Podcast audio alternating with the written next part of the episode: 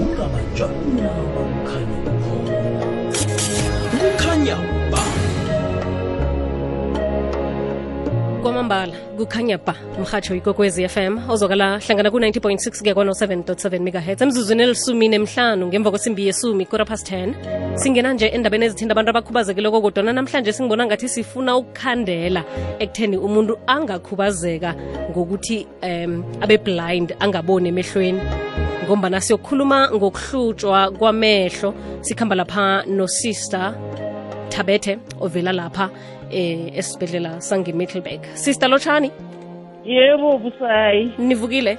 Sivukile mani njani nina? Sikhona siyathokoza ukukhuluma nani namhlanje semhathweni ikwekwezi FM yebo ma.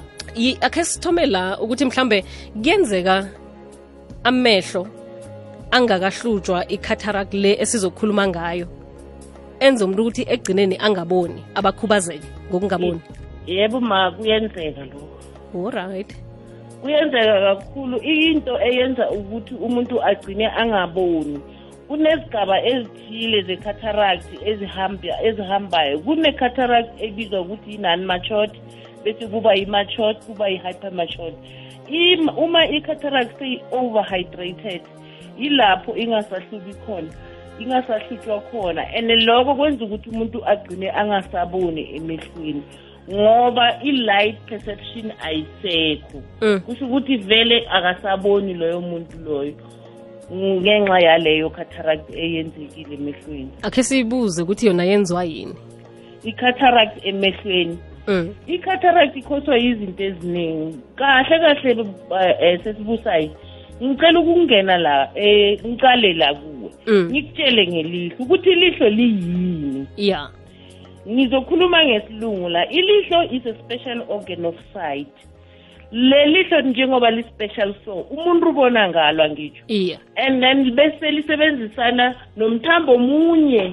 Ngapha ngehlokweni obizwa ngokuthi yi-optic nerve. Ya i-optic nerve le ngiyo ethatha umkhanyo lo ulethe engqondweni yomuntu ukuthi umuntu bese uyabona.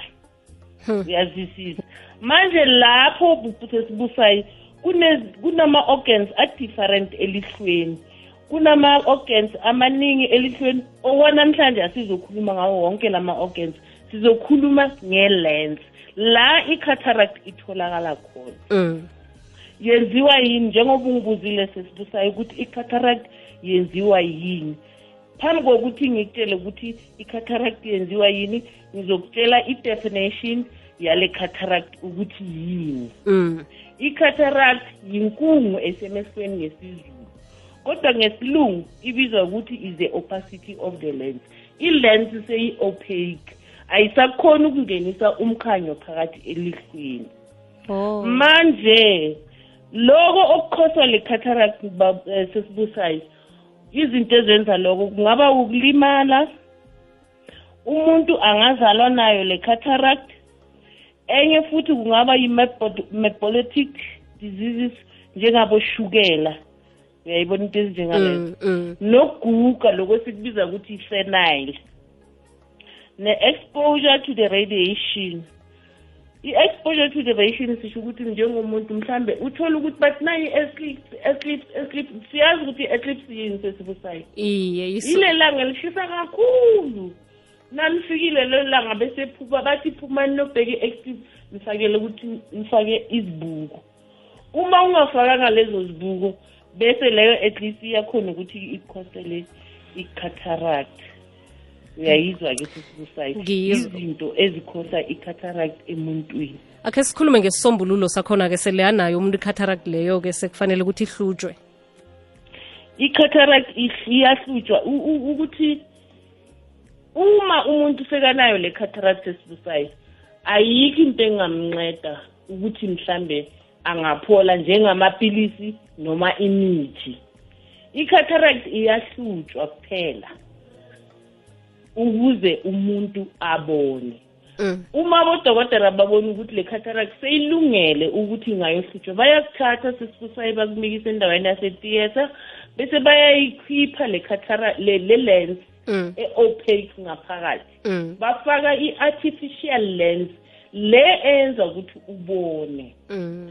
manje sinenkinga yabogogo bethu nabomkhulu bethu bese bazokutshela ukuthi bona abafuni ukuyohlutshwa abafuni ukuhlinzwa uzibani banyana wahlutshwa nangakasaboni kanti ha-e ayikho into enjengalayo uma singabantu siphila asifani sonke em- emhlabeni sesibusayo wena ungahluba ubone nami ngihlube ngibone kodwa omunye ahlube angaboni. Inkinga vane kuyini?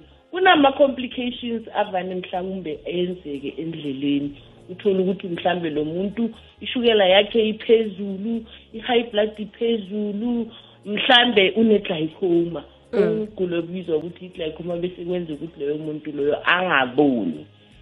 Ngiyakuzwa mama. Ngiba kuyokuthengisa bese sibuye sokuragela phambili yebo sikhuluma lapha eh, uyafundisa eh, usister johanna tabethe sifundisa ngokuhlutshwa kwamehlo okungakubangela-ke ukuthi na ungakuhlo- na ungakuhlogomeliko bowukhubazeke ngokungaboni emehlweni. 20 past 10 siyabuya. Ah wayisiginci njani? Akukhali isiginci nje akuchingwe imutibe foundation izokubamba umhlangano wokuthuthukiswa komphakathi esoweto ngelesine ngen-5 kunovemba 2020 ngesimbi yechumi ekuseni eregina mundi catholic church emuroka ngilo mhlangano kuzokumenyezelwa ukunikela kwemali eziyokusebenza ukuthuthukisa nokulungisa inkolo namasondo wesoweto lokhu kuyingxenye yemutibe foundation roadshow ka-2020-2021 eraga kusikhuluma nje kizo zonke imfunda ezilithoba. Inkolo namasondo azokuthola umnikelo ngilezi ebrahim fisherville yisiyabonga secondary zion christian church ikusasa lethu secondary nkone maruping primary emuroka iregina mundi catholic church st francis of assisi anglican church. Ngesimanga se-covid-19 kuzokuvunyelwa kwaphela abajameli abakhethwe zinkolo namasondo bona bakhambele umhlangano lo. Amagama wenkolo namasondo amanye azokumenyezela ekuhambeni kwesikhathi namhlanje. Njengombana ukususwa endaweni okiyo kubuhlungu nje kuzokusiza ukuzwisisa ikambiso yakhona. Thoma ngesiyeleliso esivela egqwetheni elijamele umnini ndawo ukubhalelwa kubhadela eh, namkhana ukuphendula eh, kuzokudosela ekutheni igqwetha linikele loyo qatshileko isiyeleliso sokumkhupha. Ngemva kokuthi womabili amahlangothi alalelwe ekhotho usherifu uzokulayelwa bona akhuphe loyo oqatshileko. Usheriff uzokuhlathululela lokhu yeke-ke eh, ungambalekeli akasuye umuntu omumbi. Khumbula-ke ukuthi usherif angaragela phambili ngokukhupha abaqatshileko endaweni zebhizinisi esigabeni lesi sokucindeliswa kwamakhambo kodwana-ke akakavumeleki ukukhupha labo abaqatshe endaweni zokuhlala kunye nenarheni ngaphandle komyalo wekhotho. Umlayezo lo ulethelwe yi-south african board of sheriffs. Leyikwekwezi fm kukhanya ba abantu abasuke emnyameni. Silethe ilwazi mayelana nokuhlutshwa kwamehlo sikhamba lapha nesithekeli sethu usister thabethe njenganje imzuzu masuma amabili nembili ngemva kwesimbi yesumi 22 minutes past 10 ngizokhe ngikhambe kodwa ngitshinge le emalahleni la kuphekelelwa khona ithambo lakwamthweni likabra ike the intercontinental pastor. Kodwana nje asidedelele lapha nosister um igadango lokuthoma eh, sister ekufanele ukuthi umuntu alithathe nakabona mhlawumbe kwangathi kunomraro ngamehlo akhe ngiliphi ukwenzela ukuthi bekathole isizo lokuhlutshwa ngiyabonga sisibusayi izinto umuntu afanele ukuthi azibone yena cala Eh, azozibona ezenzeka kuye lezi ezilandelayo sisibusayi okay. Umuntu uzobona angasaboni kahle lokho sikubizwa ukuthi yi-black vision. Noma abone izinto abone nga mhlambe i- into yinye yena ayibone ngathi ziyi-two abone izimpukane phambi kobuso bakhe abo- a- abathathu uyasisusa abone ngathi kunezimpukane kanti azikho. Ebusuku bese abone ngathi akaboni kahle. Noma umuntu uthi uyambheka le ngaphakathi elihlweni bese i-visual acuity yakhe ama-nerves are diminished and then i-visual acuity yakhe bese nayo futhi iya-decreasa kusho ukuthi akasaboni kahle noma mhlambe afunda ifoni akasaboni ufunda incwadi akasaboni. Loyo muntu loyo ufanele ukuthi aphakame eze esibhedlela ekliniki ayobona ukuthi inkinga yini. Mm. yilapho-ke sesibusayo sizomcheck-a khona simtshele ukuthi hayi wena sokune-cataract uyayibona into ezinjengalezo sesibusayo okay mama so i-operation yakhona ayisi yinto ethusako kuhlinzwa lokhu ngoba njengoba utsho nje heyi umuntu onzima nokuhlinzwa azihlangani into embilezi ngiyajabula-ke sesibusayi ukubuza lowo mbuzo. Esikhathini esiningi abogogo la ngaphandle uze uhambe uzwe abantu bakhuluma bathi yo bayokusuba ilihlo or bayo- bayokuhlinza ilihlo. Ilihlo lakho bazolikhipha balibeke etafuleni. And angeke basaphinde balibisele kanti awa sisibusa into enjengaleyo ayikho. Ibe futhi abakulalisi nokukulalisa ukuthi mhlambe uyalala Mm. bayakufaka injection ufe ayikho bathatha leyo umoya bawubeke lapha bawubeke ngebhodlelweni. Sesikhulumako. ayikho-ke yonke leyo nto leyo ngicela ukuthi abogogo nabo omkhulu bathathe imoya yabo bayibeke phansi. I-operation yelihlo uma siyenza sihlaba injection yobuhlungu kulelo lihlo eli-operate-wa kuphela. Uzobe ubhekile ubona nawe. Kodwa ubuhlungu angeke ubuzwe. Akukho ukuthi basho bayokubulala. Injalo nje we just give the injection to the affected eye and then bese siyasebenza kuphela. Anilibeke etafuleni asilibeke etafuleni uh sister usihlathululele kamnandi sithokoze kangangani? Uyakhumbula musisikhanjelwe ngubra ike lapha. Kufanele ukuthi ngiye lapha emalahleni siyokwizwa ukuthi kukuhambe kabunjani. Sithokozile. Umlayezo wakho wokugcina? Ngicela nedukwazisa abogogo nabomkhulu basenkangala district ukuthi kusasa ngezi-five Mm. i-department of health ne- ne-national council of the blind. Zizobe zihlangene zisebenzisana ngokuzobusuba bogogo.